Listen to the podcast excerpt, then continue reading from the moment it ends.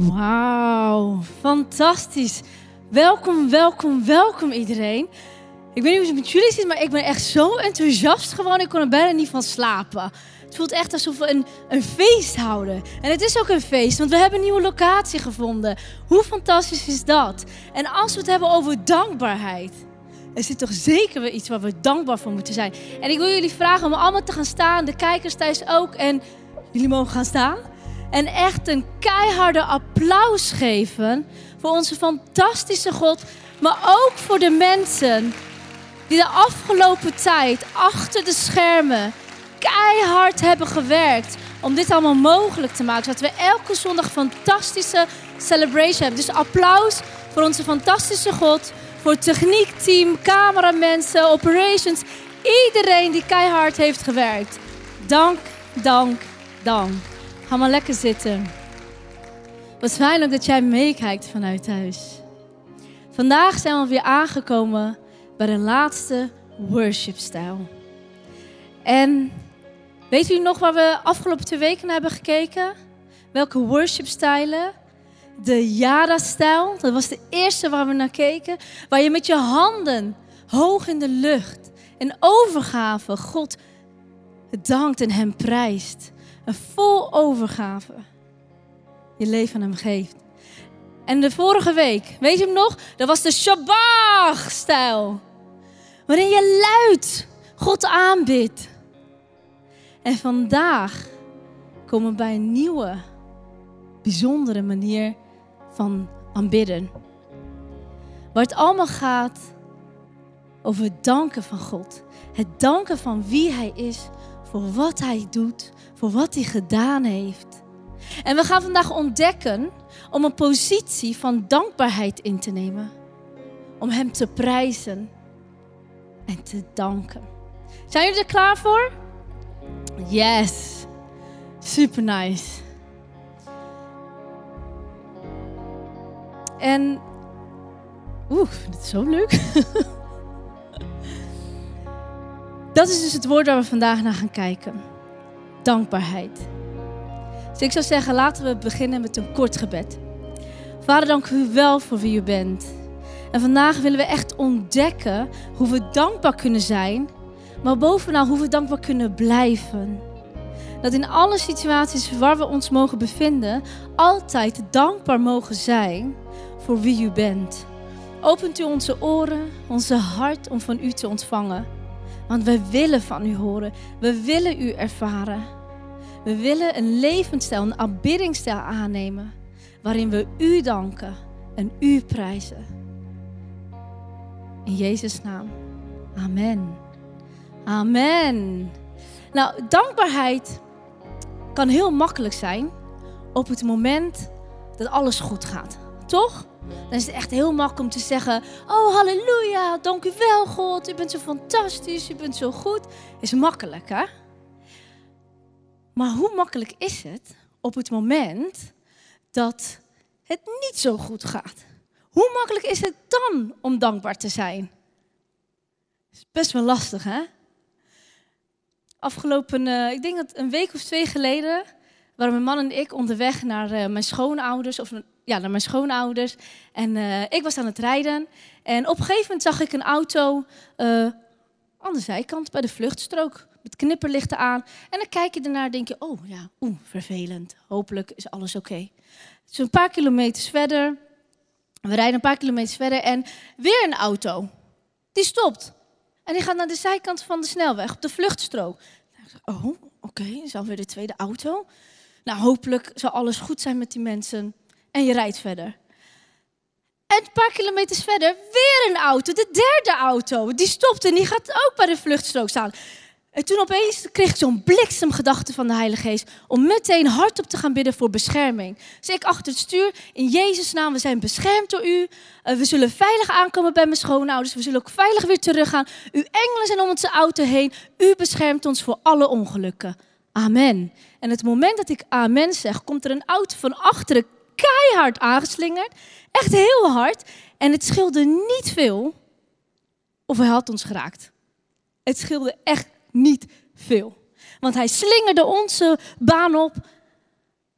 En net op tijd ontweek hij ons.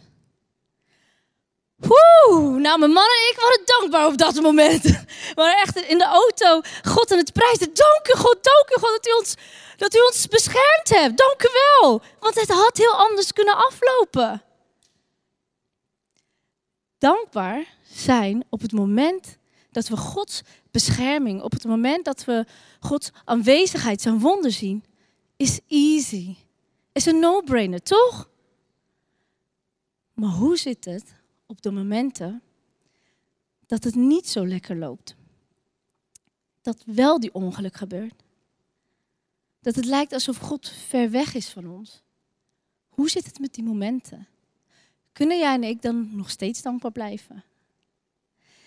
En dankbaarheid is iets wat jij en ik kunnen aanleren. Is het goede nieuws. Dus als je denkt, oeh, dat vind ik best wel moeilijk in zulke situaties, geen probleem, je kan het aanleren. Het is net als met de nieuwe taal, dat je ervoor gaat studeren, dat je ervoor gaat leren. Hetzelfde is ook met dankbaarheid. Je kan het aanleren.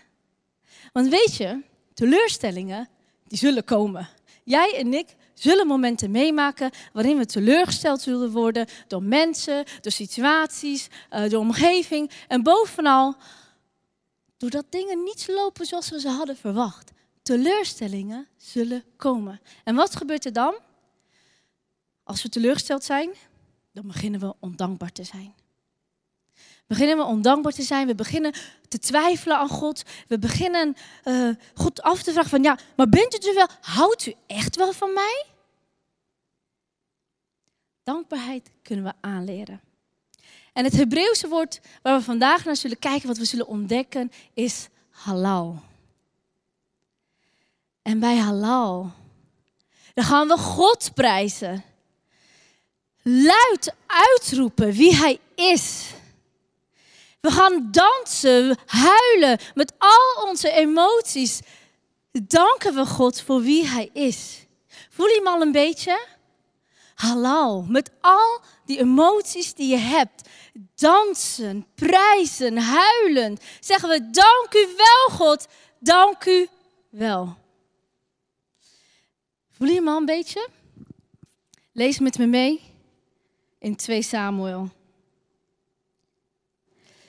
Je mag al een beetje in die halal-stijl mee gaan lezen, ja? Dus niet, ik zal de Heer loven. En, uh, nee, ik zal de Heer loven, want Hij, Hij is het waard geprezen te worden. Halal. Hij zal me redden van al mijn vijanden. Woehoe! Dankbaar zijn met al je emoties. De goede momenten en de minder goede momenten. God is het waard geprezen te worden. En vandaag gaan we naar drie punten kijken. Hoe jij en ik dankbaar kunnen zijn. Dankbaar kunnen blijven. Zijn jullie er ready voor? Nice. Het beeld wat ik jullie vandaag meegeef is het beeld van een roeiboot. En een roeiboot staat voor teken voor jouw leven. Dus als je naar het roeiboot kijkt, dan kijk je ook naar je leven. En om het eerste punt van vandaag te ontdekken, dat trouwens is dank God voor wie Hij is, moeten we gaan kijken naar de Joodse cultuur.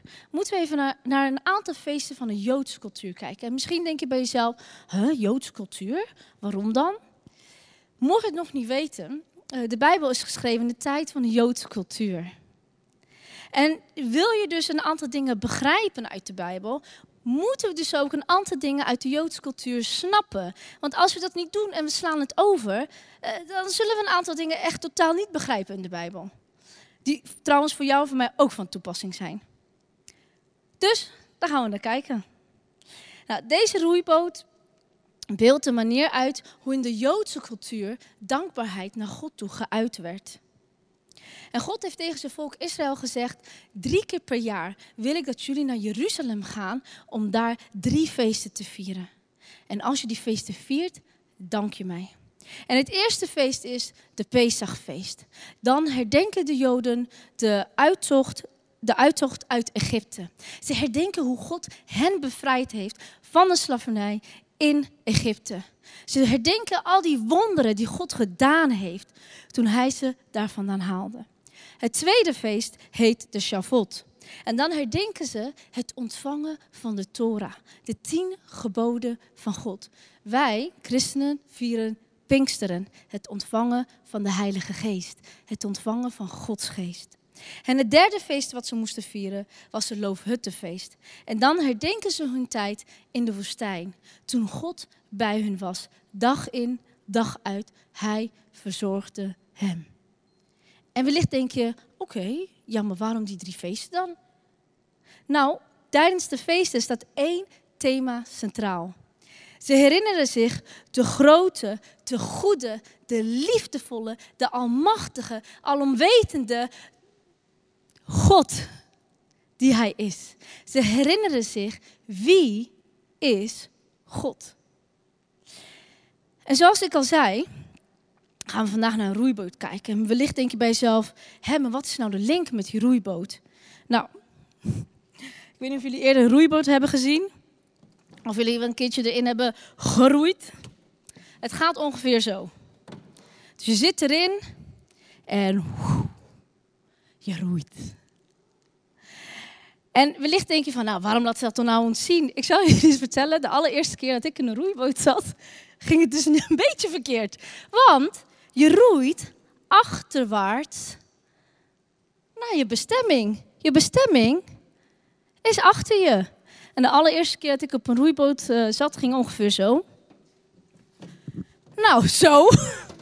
nou, dat werkte voor geen meters. Na een paar uh, meters roeien was ik er klaar mee en ben ik er ook mee gestopt. Dus dit is hoe je roeit.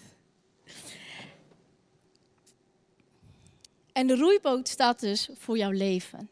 En je roeit achterwaarts naar je bestemming. En het idee is dat voor je, voor je zie je wat er gebeurd is.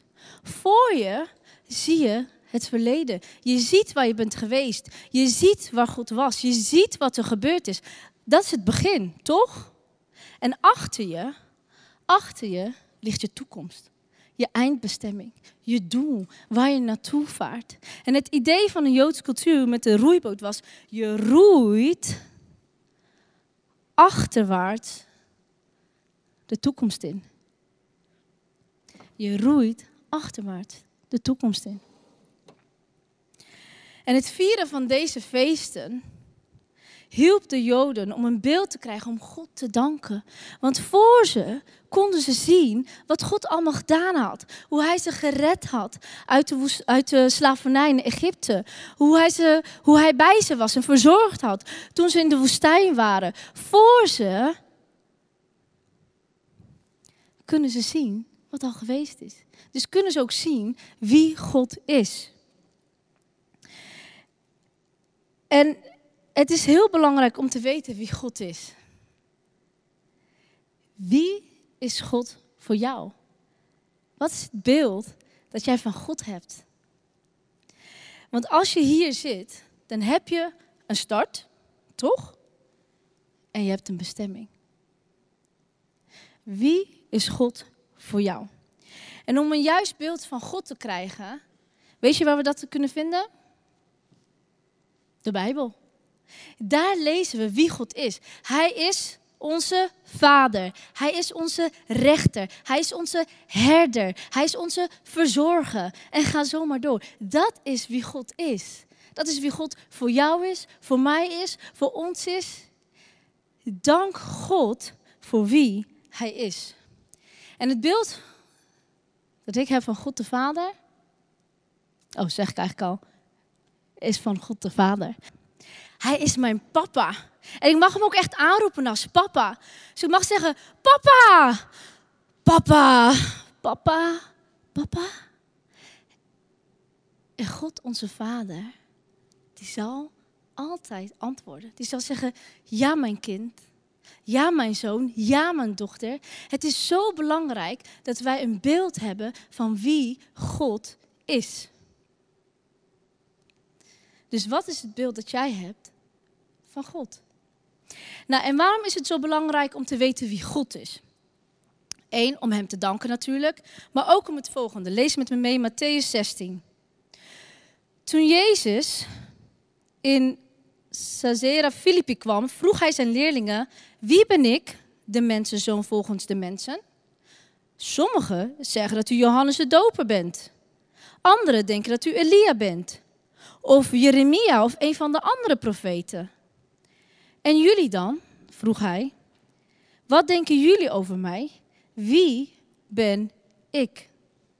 Wie ben ik? Jezus vraagt jou en mij: Wie ben ik volgens jou? Wie zeg jij dat ik ben? Wie ben ik? Wie ben ik voor jou? Wat voor beeld heb jij van God? Wat voor beeld heb jij van Jezus? Heb je daar wel eens bij stilgestaan? Wie is Jezus voor jou? Het is belangrijk, want op het moment dat wij door een storm heen gaan met onze roeiboot, op het moment dat we door een diepe dal gaan in ons leven, is het zo belangrijk om te weten wie Hij is. Dat Hij onze houvast is, dat Hij onze redder is. Want als jij en ik niet een duidelijk beeld hebben van wie God is, en er komt een storm in ons leven, er stormen zullen komen. Daar gaan we niet aan ontkomen. Die stormen zullen komen. En als we niet een duidelijk beeld hebben van wie God is, dan verdrinken we. Wie is God voor jou? Wat is het beeld dat je hebt? Ik weet nog, um, toen ik bij de ICF College was. ICF Nederland maakt uh, onderdeel uit van de ICF Movement, wat allemaal gestart is in Zurich. En ze hebben daar een fantastische college, waarin je een eh, jaar lang daar naartoe gaat en opgeleid wordt tot een topleider voor in de kerk. En ik was er naartoe gegaan en op een gegeven moment uh, had God op een heel bijzondere manier aan mij laten weten: Heaven, ik ga voor je zorgen. En als je daar bent, hoef je ook niet. Uh, of nee, wacht even. Als je daar bent, zal ik ervoor zorgen dat jij een woning vindt waarbij je een jaar lang geen huur voor hoeft te betalen. En dat was een belofte die God mij gegeven had. Want ik had het financieel op dat moment niet zo breed. Maar ik wist dat dat het doel was, de bestemming was waar God mij wilde hebben. Het was best wel spannend om daarop te vertrouwen van, oh, in Zurich, een woning, een jaar lang, zonder huur. Zurich is een van de duurste steden in Europa. Um, een paar maanden later, inderdaad, God voorzag. En ik kreeg een woning en ik kon bij een dame uh, uh, intrekken en ik hoefde een jaar lang geen huur te betalen. Dus dat kreeg ik al te horen voordat ik in Zurich was dankbaar, blij. Yes, dank u vader, u bent zo goed. U houdt zich altijd aan uw woord. Yeah. No-brainer, toch, als je dan dankbaar bent? En op het moment dat ik aan het danken was, kreeg ik de volgende gedachte van God. Zul jij net zo dankbaar zijn zoals nu, op het moment dat het lijkt alsof deze zegen weg is?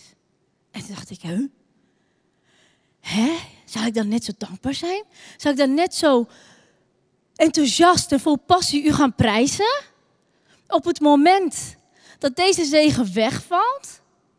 Nou, moest ik even over nadenken. Toen dacht ik, ja, ja vader, natuurlijk zal ik net zo dankbaar zijn zoals nu. Want ook al verandert mijn situatie, ook al verandert mijn omgeving, u bent altijd hetzelfde. U bent nog steeds mijn papa. U bent nog steeds mijn verzorger. U bent mijn redder. U bent de God die door Mozes heen de Rode Zee letterlijk, mensen, letterlijk, zo de tweeën heeft gesplitst. Waardoor zijn volk veilig kon langslopen. U bent de God die de wonderen heeft gedaan. U en nog steeds doet. U bent de God die de doden weer levend maakt. Dat is wie u bent. Dus ik zal nog steeds dankbaar zijn. Ik maak nu de keuze dat als die storm komt, dat ik nog steeds dankbaar zal zijn. Twee weken later kreeg ik dus een bericht van die dame. Oh ja, het spijt me, Heaven. Je kan toch niet een jaar lang bij me blijven wonen. Je kan ongeveer drie maanden bij me blijven wonen. En daarna moet je toch echt weer een andere woning gaan zoeken. Wat denk je dat mijn eerste reactie was? Ah, nee, vader, waarom? waarom gebeurt dit nou? Dat was mijn eerste reactie. En toen ik even stil was en de tijd nam om te gaan luisteren, herinnerde ik mij weer wat ik had gezegd twee weken daarvoor. Oh ja, ik ben en blijf dankbaar. Want u, u bent nog steeds hetzelfde. dankbaarheid kunnen we aanleren. Dus dank God voor wie Hij is. En we lezen verder in het verhaal. Simon Petrus zei: U bent de Christus, de zoon van de levende God. U bent de Christus, de zoon van de levende God. Dit is wie u bent, Jezus. Dit is hoe ik u zie. Dit is het beeld dat ik heb van u. En weet je wat er gebeurt op het moment dat wij het juist beeld hebben van wie God is en hem ook vertellen wie hij is? Weet je wat er gebeurt? Lees met me mee. En Jezus antwoordde: Jij Jij bent Petrus. Jij bent de rots waarop ik mijn gemeente zal bouwen. De poorten van het dodenrijk zullen nooit macht over haar krijgen. Ik zal je de sleutels geven van het koninkrijk van de hemelen. Alles wat je op aarde bindend verklaart, zal ook in de hemel bindend zijn. En alles wat je op aarde ontbindt, zal ook in de hemel ontbonden worden. Er zit hier zo, zoveel in, in wat Jezus nu hierin zegt. We gaan ons op dit moment op één ding focussen. Wat gebeurt er op het moment dat jij en ik God erkennen, Hem herkennen en erkennen wie Hij is? Dan laat Hij ons zien wie wij werkelijk zijn. Hij vertelt hier aan Petrus, jij bent de rots waar ik mijn gemeente op zal bouwen.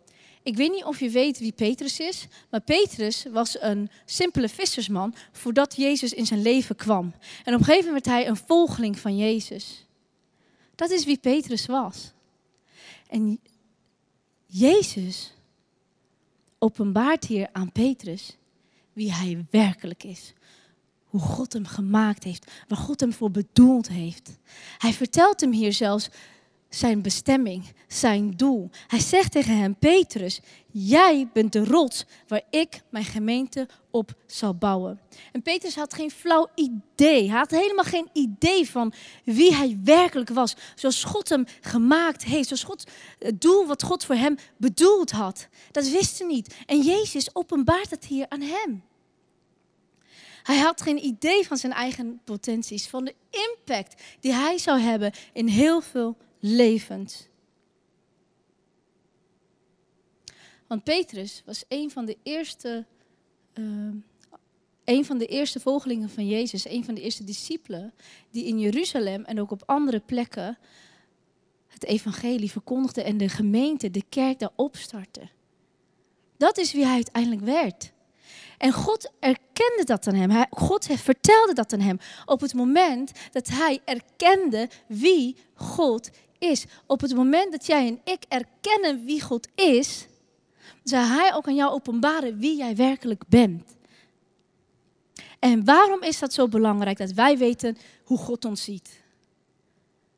Omdat de wereld jou van alles en nog wat zal vertellen over wie jij bent of over wie jij hoort te zijn.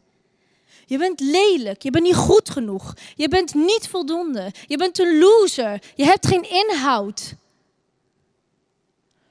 God vertelt ons wie we werkelijk zijn. Hij zegt, jij bent mijn geliefde zoon. Jij bent mijn geliefde dochter. Jij bent mooi gemaakt. Jij bent goed genoeg. Je hoeft niet perfect te zijn. Je bent geen loser. Je bent niet dom. Maar jij bent mijn kind, mijn zoon, mijn dochter. En je bent goed gemaakt en je bent genoeg. En daarom is het ook zo belangrijk om te weten wie God is, Hem daarin erkennen. Want dan weet hij, weten wij ook wie wij zijn. Want de duivel, weet je wat de duivel doet? Die wijst altijd met zijn vinger naar jou. Altijd naar je falen, naar je zondes. Hij vertelt je continu wie en wat jij niet bent. Jij bent niet goed. Je bent niet mooi. Je bent niet slim. Je bent hier niet voor gemaakt. Je gaat daardoor twijfelen. Kan God mij werkelijk vergeven? Ben ik echt vergeven door God? Ben ik echt geliefd door God? En weet je wat God dan tegen jou zegt? Jij bent vergeven. Jij bent geliefd. Jij bent mooi gemaakt. Jij bent genoeg. Dat is wie jij en ik zijn. Dus vergeet niet waar het allemaal begonnen is. Vergeet niet om dankbaar te zijn. Vergeet niet om dankbaar te zijn voor wie God is. Yes? Gaan we door naar het tweede punt. Dank God voor wat Hij doet. Want terwijl je verder roeit, komen we aan bij ons tweede punt. En vraag jezelf af, wat doet God voor mij? In Psalm 9 lezen we het volgende. Heren, ik prijs u met mijn hele hart. Ik vertel iedereen over de geweldige dingen die u doet. Ik loop over van blijdschap en vreugde dankzij u. Over u wil ik zingen. U bent God, de aller, allerhoogste. Er zijn zoveel redenen om God dankbaar te zijn. Er zijn zoveel redenen om dat ook uit te roepen. Als je terugkijkt, wanneer je in een roeiboot zit en je kijkt voor je uit, dan zie je de keren dat God daar voor je was. Laten we luisteren naar een verhaal over de lange weg die dankbaarheid aflegt.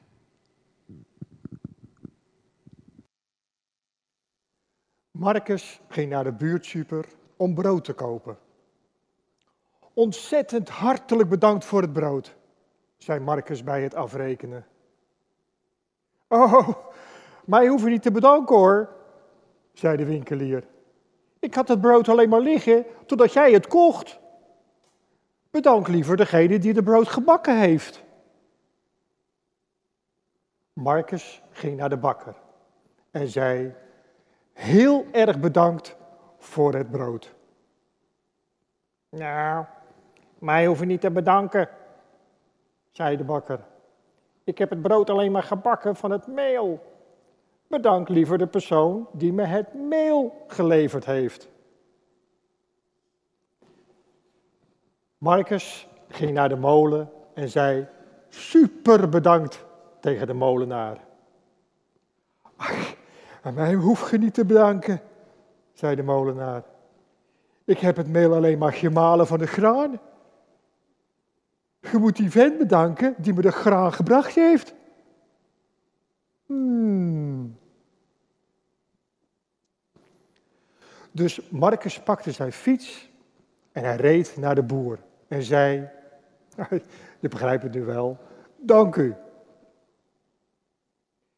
Mij moet je niet bedanken, zei de Twentse boer. Ik heb het graan alleen maar gezaaid. Graan heeft andere dingen nodig om te groeien. Bedank die maar. Marcus dacht na. Hoe groeit het graan eigenlijk? Wat heeft het nodig? Ah, de aarde, de zon, de regen. Dus Marcus zei, dank je tegen de aarde, de regen en de zon. Bedank ons niet, zeiden ze terug. Je moet degene bedanken die ons gemaakt heeft. Ja. Marcus keek op en zei: Dank u, God. En hij bad. Dank u, God, voor de aarde, de regen en de zon. Voor het zaad dat groeit en voor de boer. Dank u, God, dat u de molenaar geholpen heeft. En dank u voor de bakker, dat hij zo goed kan bakken. En dank u voor de vriendelijkste winkelier ter wereld. En dank u voor dat super duper heerlijke brood. Amen. Marcus was eindelijk bij het einde gekomen van een lang proces. Wauw, applaus. Dankbaarheid. Het maakt dus niet uit waar je begint met danken. In het verhaal was dat bij de bakker. Maar uiteindelijk, waar kwam hij terecht? Bij zijn begin, zijn oorsprong. En wie is dat? Dat is God. Hij is jouw begin. Hij is jouw oorsprong. Hij is degene waar je tegenaan kijkt, terwijl je roeit achterwaarts de toekomst in. En terwijl we God erkennen en Hem danken voor wie Hij is, voor wat Hij doet, komen we aan met een laatste punt. Dank God voor wat Hij zal doen. Lees met me mee Matthäus 26. Na de maaltijd zongen zij een lied, een lied tot eer van God en gingen vervolgens naar de Olijfberg. Jezus had net een laatste avondmaal gehad samen met zijn discipelen. En hij wist wat er komen zou. Hij wist dat hij gepakt zou worden, gevangen genomen zou worden, gemarteld zou worden op een verschrikkelijke manier. En uiteindelijk opgehangen zou worden. Hij wist wat er hem te wachten stond. En toch dankte hij God. Toch prees hij God. Hoe kon hij dat nou doen? Hoe kan je nou God prijzen en danken? Als het niet zo goed gaat, als het moeilijk is, als het donker is om je heen. Jezus prees en dankte God. Want hij wist, hij wist wat zijn bestemming was. Hij wist waar hij naartoe roeide.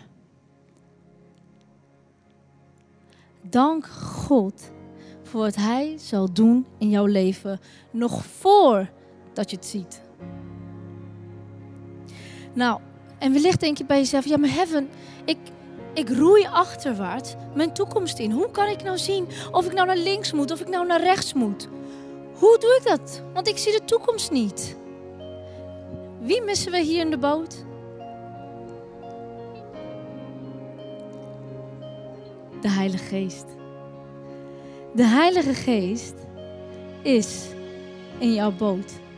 De Heilige Geest is in jouw leven. En weet je wat de Heilige Geest kan doen? De Heilige Geest ziet wat voor me, wat achter me is. En hij vertelt me, oh, ik moet naar links. Ik moet naar links. Oh, en ik moet nu naar rechts. Oké, Heilige Geest, daar gaan we. Ik, ik zie niet wat mijn doel is. Ik zie niet wat mijn eindbestemming is. Maar de Heilige Geest, die ziet het wel. Heb jij de Heilige Geest uitgenodigd in je boot? Heb jij de Heilige Geest uitgenodigd in je leven? Heb je hem al toestemming gegeven om te zeggen: Weet je wat, Heilige Geest? Ik ga het niet meer zelf doen. Want ja, als ik zo ga roeien, ja, dan gaat het echt niet goed. En als er een storm komt, dan ja, op een gegeven moment verdrink ik. Waar is de Heilige Geest in jouw leven? Laat je hem toe dat hij je leidt?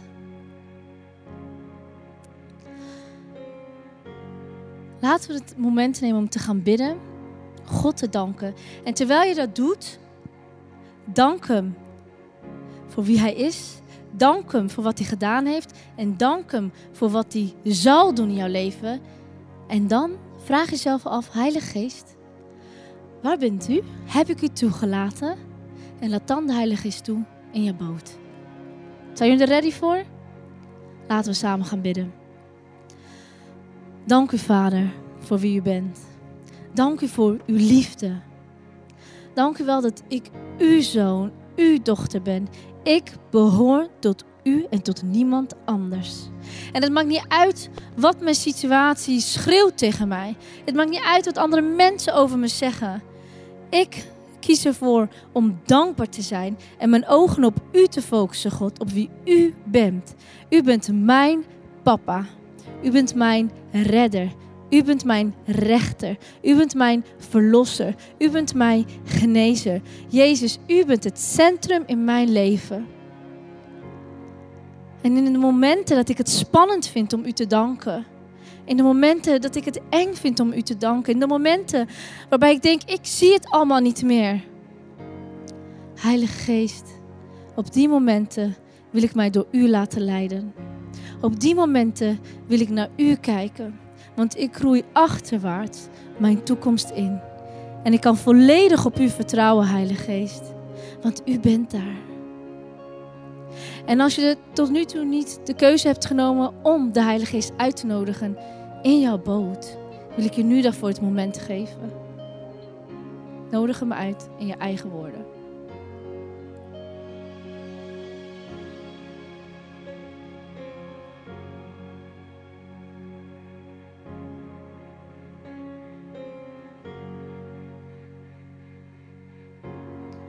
En mocht je de Heilige Geest al veel eerder uitgenodigd hebben in jouw roeiboot, vraag jezelf dan af geef ik de Heilige Geest ook echt toestemming om mij te leiden.